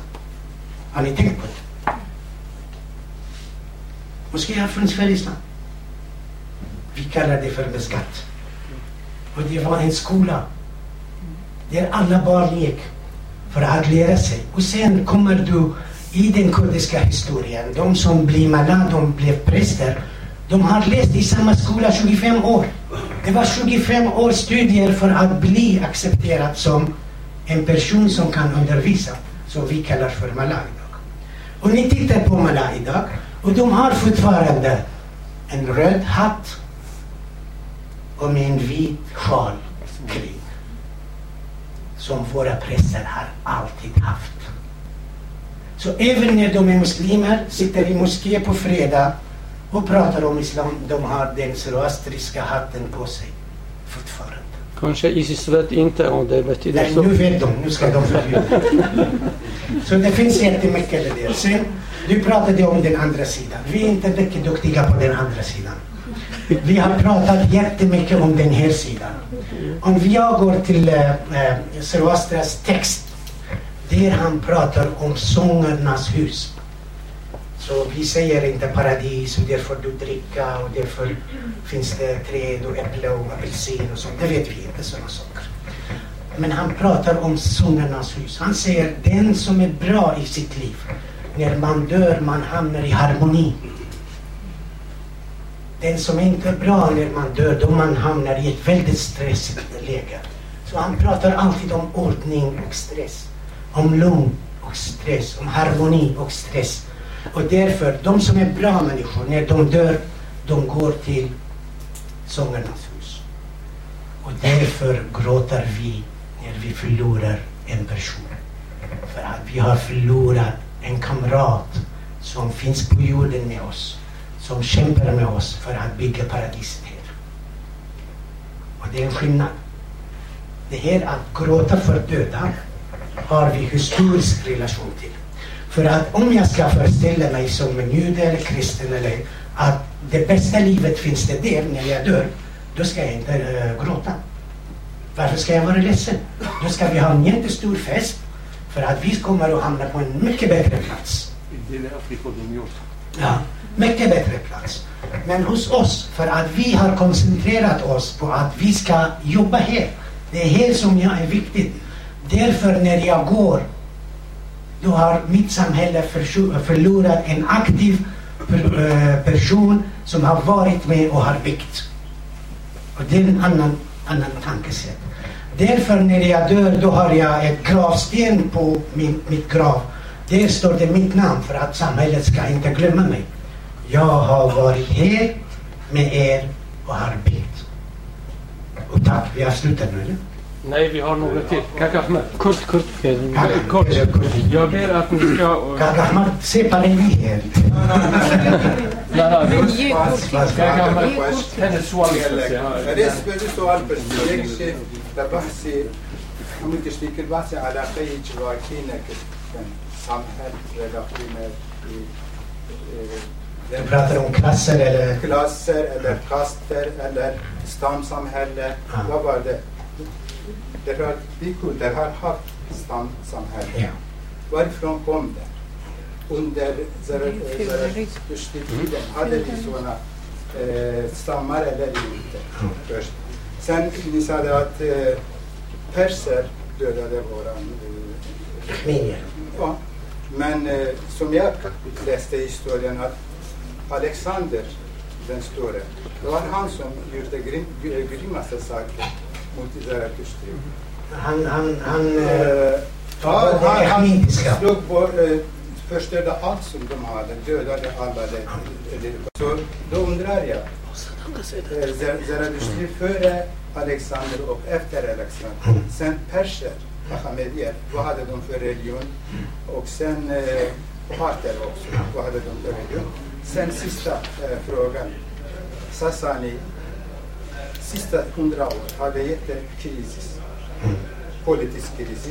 Men de hade i deras statsskick, eh, ja, religionen hade högsta platsen. Så det här politiska krisen, hur mycket påverkade på religionen att Ja. efter islam försvann?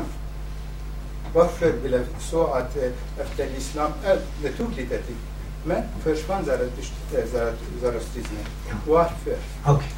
Vad har relation mellan staten och religionen? Ja. Det här med, med, med att vi pratar om stammar och sånt.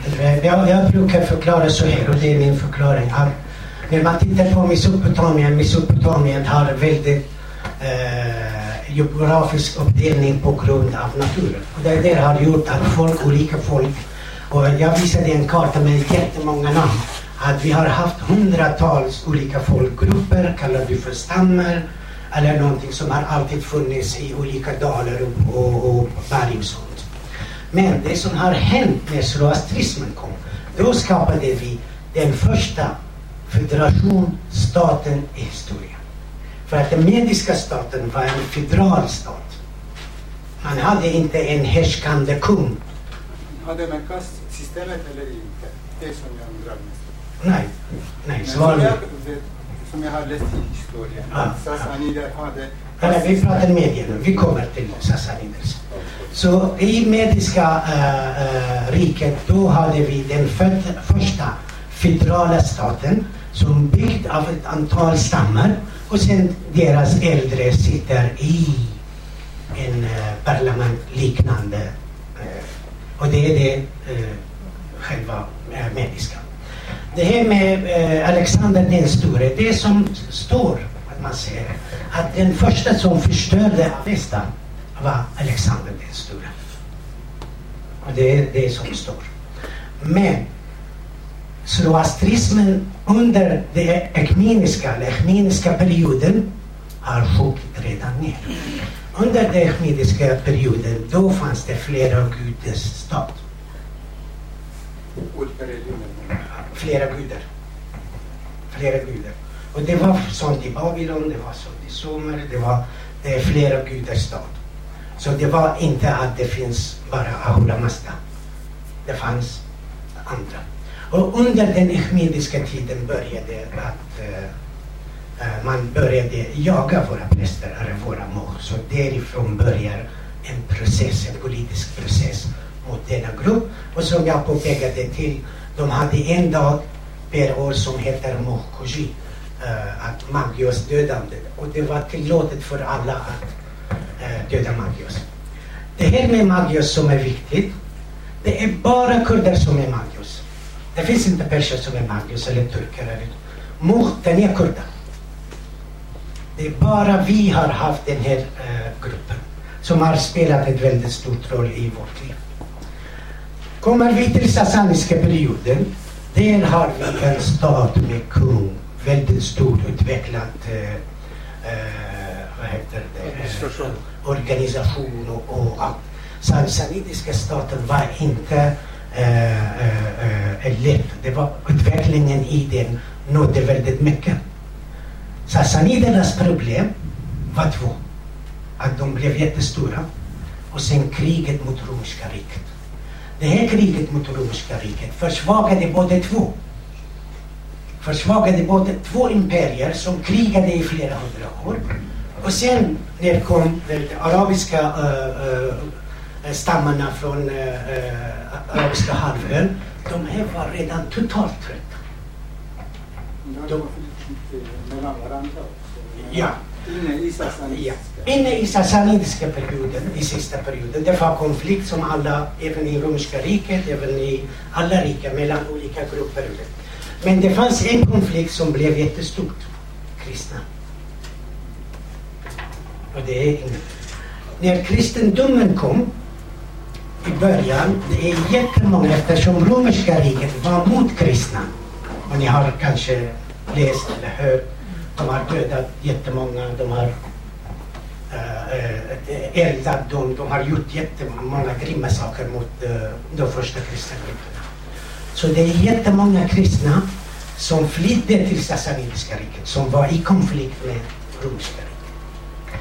Sen 312, när det romerska riket blev kristen, de kristna som fanns redan i Sassanidiska riket började sympatisera med romerska riket och det skapade konflikt och krig inne i det romerska riket. Och här finns det en historisk sak som är väldigt eh, intressant.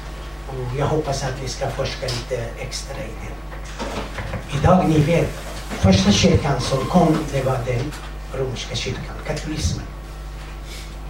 Eller hur? Nej, ortodoxi, det är det själva. Nej. Ortodoxi kom under den sassanitiska tiden. Det är sassanier som har skapat en orientalisk kyrka, inte en västlig kyrka. Bara för att skapa en ny balans mellan den västliga kyrkan och den orientaliska kyrkan. Så det här att även den ortodoxa kyrkan, det fanns ett politiskt behov för den, för att skapa en ny balans mellan en enda kyrka som har allt makt, som låg på den romerska uh, sidan. I alla fall lite, de här är lite uh, mer historia så vi behöver inte fördjupa oss uh, i den. Och nu känner jag mig trött. Ja, eh, sista fråga. Ja. Hej, jag heter Sahid och eh, jag är konstnär. Och eh, jag har faktiskt många frågor. Jag skulle gärna sitta med dig och diskutera om mina funderingar. Ja. Jag pluggar konst och eh, jag undrar om en hel del. Det första om jag skulle börja med att du pratar jättefint om religionen, om Zerdushtli och sånt där. Vad har du för fakta? Till och med nu när vi pratar om alltså, kristendom eller islam eller vilken religion som helst. Eh, det är många forskare som, är, som vågar inte påstå vissa saker så, så pass eh, starkt att det här är ord från alltså profeten. Hur kan du vara så säker att säga det här är ord från eh, Zardusht eller Mazda? Eller, eh, det är första. Och det andra, när du visade bilderna. Eh, det är en bild. Det, ja, alla kan analysera och tolka på sitt sätt. Kanske vi kurder, vi tolkar den på våran sätt. Kanske om du visar bilden till någon annan, det kan bli annan betydelse. Jag skulle ta Mona Lisa som exempel. Det är inte så pass gammal, det är 400 år. Men det är fortfarande de letar efter koderna som Da Vinci har, har gjort. Hur kan vi vara så säkra på vår tolkning? Där är eh, själv alltså kritisk. Jag är kurd, jag är stolt att vi har många olika minoriteter i, Eh, som eh, nation i Kurdistan. Och där fortfarande lever fortfarande i eh, den marken som vi kallar för Kurdistan. Hur kan du vara, vad har du för bildanalys till de här eh, bilderna som du har visat? Vilken alltså, grunder du bara för att det står sju pelare eller sju vingar betyder det och det. Jag håller med dig. Men om du skulle visa någon kines kanske, skulle tolka den på sitt. Eh, och du pratar om att eh, Zerdushin är första religionen som kom inte bara till Zerdushti-folket. Det kom till individ, till varje in, individ. Men det ser alla religioner. Det ser till och med alltså, kristna. Alltså kristendomen kom inte bara för eh, där i Mellanöstern eller Israel. När det, Jesus föddes. Nu är det en kines kan vara eh, alltså kristen, en amerikan, en latinamerikan. Överallt kan vara. Samma med islam. Så min fråga är, finns inte någon likheter mellan religionerna? Ja, om jag börjar Om svara så... jag, om jag säger min sista kanske. Jag Men, glömmer tre av dina frågor. men får jag säga min sista? Ja. Det. Eh, Min sista skulle säga så här att eh, det är många människor nu undrar att vi tar islam som exempel. Ja, 1400 år gammal. Den är ju gammal, den är inte anpassad till dagens samhälle. Vad skulle du säga till någon som skulle, om vi säger att min religion är sex år, 6000 år gammal.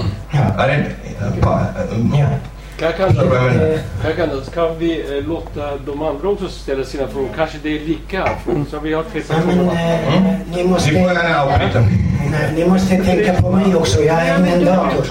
Nej.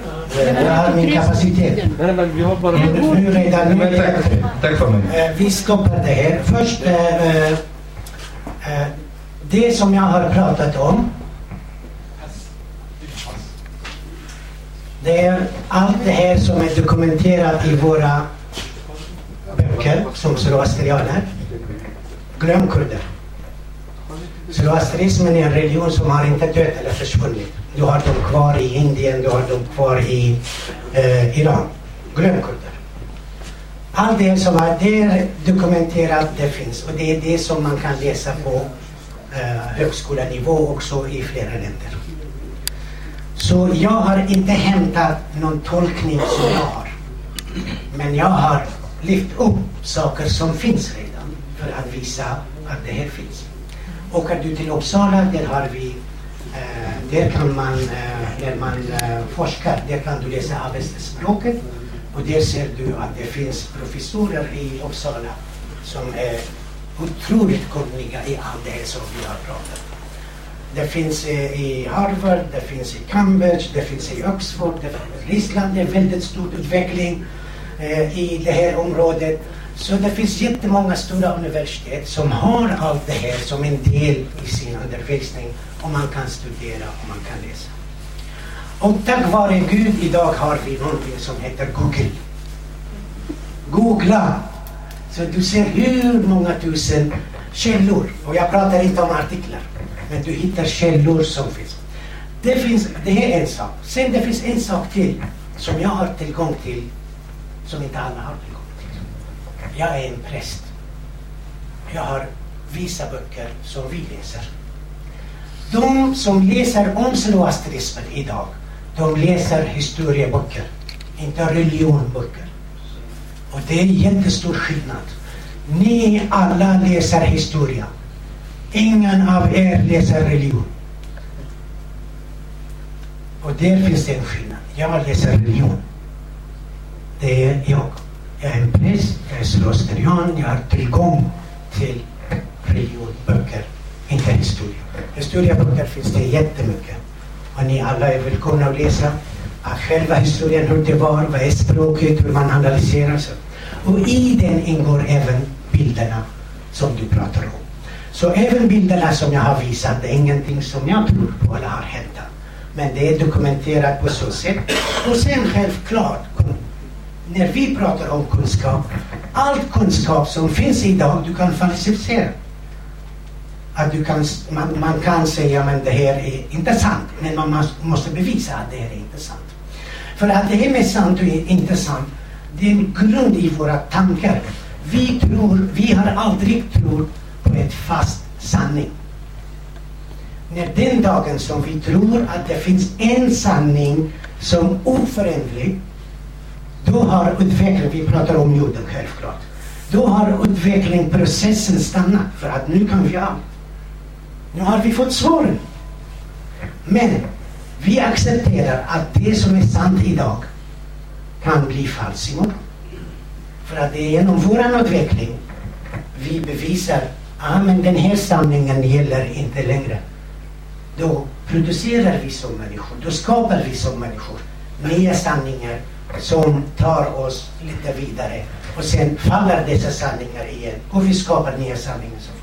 Så, det här att göra en jämförelse med vad är det bra, inte bra, sant, inte sant. Självklart, vi har eh, tillgångar i, till olika metoder som man kan eh, forska och undersöka eh, sanningen och falskhet i saker och ting.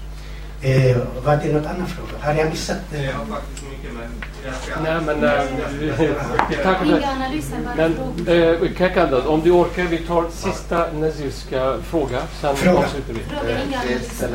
Är tre frågor. Det är frågor också. Ja, självklart. Eh, jag tackar för den här goda kunskapen. Det, eh, det anser jag att det är jätteviktigt att, eh, att vi sprider den här kunskapen på alla möjliga sätt. Eh, du pratade om eh, reformer och process inom Zarathustra. Eh, självklart det fanns. Eh, du pratade inte alls om eh, Zaravani. Eh, Zaravani. Zarwani var före eh, Zarathustra, eller Zarathustra var en reform inom eh, Zarwani. Zarwani kom efter Zarathustra. Eller, det är frågan alltså. Det andra, eh, Mazdak och Mani var, och eh, eh Zarwani var sådana reformer, sociala, eh, religion alltså social eh, eh, religiösa reformer inom Zarathustra. Det är ena som jag ville veta om det här. Eh, du, det finns en stark tendens alltså i Kurdistan nu, i olika eh, ställen i norra, eh, östra, överallt alltså, att det är eh, eh SDR, SD, att det var före Zarathustra och det är inte alls lika och de har inga förbindelser. Eh, och det är grunden, alltså det är deras idé att i en SDR det finns en mäktig gud men inte i Zarathustra. Och hur kan det komma sig att en mäktig gud och en gud som är inte mäktig kan vara i samma religion? Tack så mycket.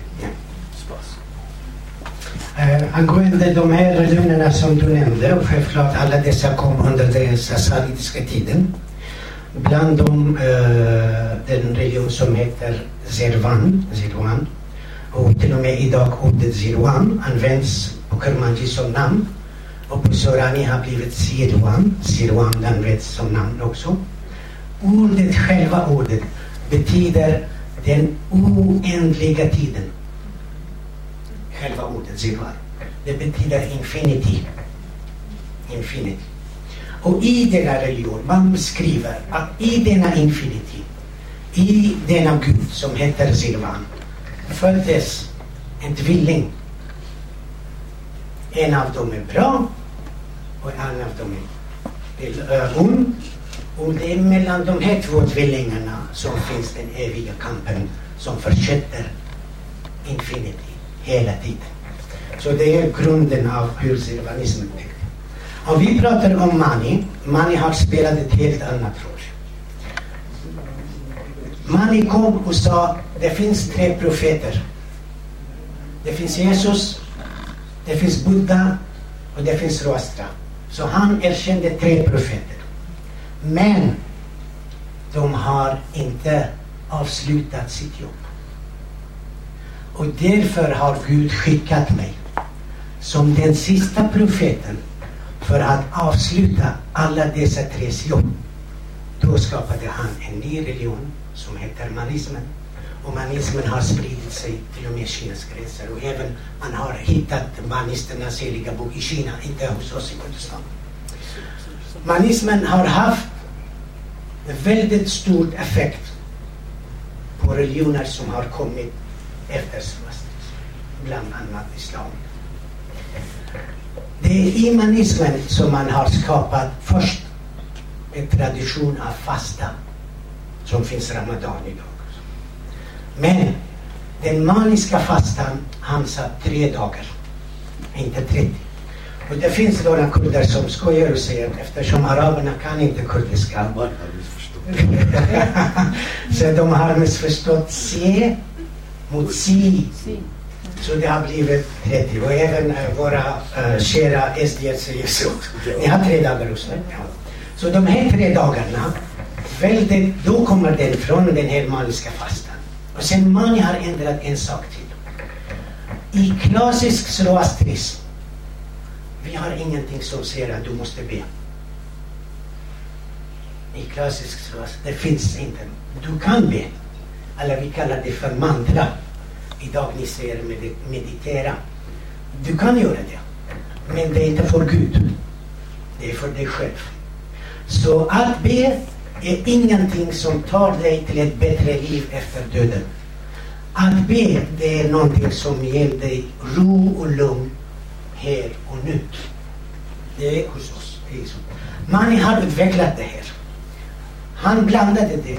Och för första gången han skapade ett bön med fast, fast text. Att på morgonen säger du det, det, det, det. Eftermiddag säger du det, det, det, det. Och, och, och. Och sen att... Äh, äh, Förlåt, men det var hela tiden mot solen. Ja, ja. ja. Det är bara mot solen, alltså de tre, tre fasarna. Ja, men han skapade någonting annat sen också. Sujud kallar den. Att, uh, att be? be. Nej, men att uh, gå på knäna. Sajada? Nej, nej. Bena? När jag ber, då står jag. jag gör inte så, så måste jag mig på golvet. Böja knä. Böja. Böja knä och sen huvudet Man måste... kallar bön. Sujda, sujda. Bön, man bön. Ja, men inte hos oss. Nej. Den har vi inte.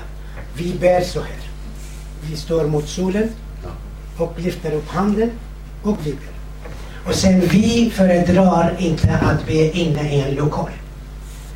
Vi har rekommendationer. Om vi kan, om vi kan, då måste vi blanda oss med naturen. Att gå ut och stå mot solen och be. För att den här blandningen mellan oss och naturen är väldigt stark. De har sagt, förfäderna till oss, solen är far, himlen är mor, vatten är syster och jorden är bror. Så när ni pratar, eh, ni pratar eh, eh, natur, jag pratar familj. De här är en del av min familj och jag är en del av denna familj. Så humanismens påverkan var väldigt stor, särskilt på många praktiska saker som kom till islam sen. Eh, sen hade vi, eh, vi pratade, eh, eh SDR om det här mäktiga och omäktiga. ja, det- vi, eh, Och det, där- det finns, det finns, Och, de- och dessutom att man säger att det kurderna är inte Zarathustra ras, det är ja, det, jag, det, det är något ja, jag går inte i sådana diskussioner. För att eh, vi har bevis att zoroastrismens centrum var Bagdad i 600 år. Och det är historia som är skrivet och sen de säger höger, de säger vänster. Och du vet, de säger mycket mer. De säger mycket mer. Eh, Så det här, eh, politik brukar jag inte gå in och, och diskutera. Eh, I alla fall, om jag ska gå, som jag sa till en mäktig gud, jag ser ingen mäktig gud i istism. Vi har en gud som tror på att skapare och den enda guden. Så den finns där också. Men den här mitraisk, mitraiska mixen, vi måste vara duktiga på mitraismen för att se den här bilden av det. Ni som, eh, eh, ni vet att vi har Malak Taus. Vad är Malak Taus? Om jag ska förklara Malak Taus. Taus betyder påfågel. Och den är helig. Men Taus var helig innan vi blev kristna.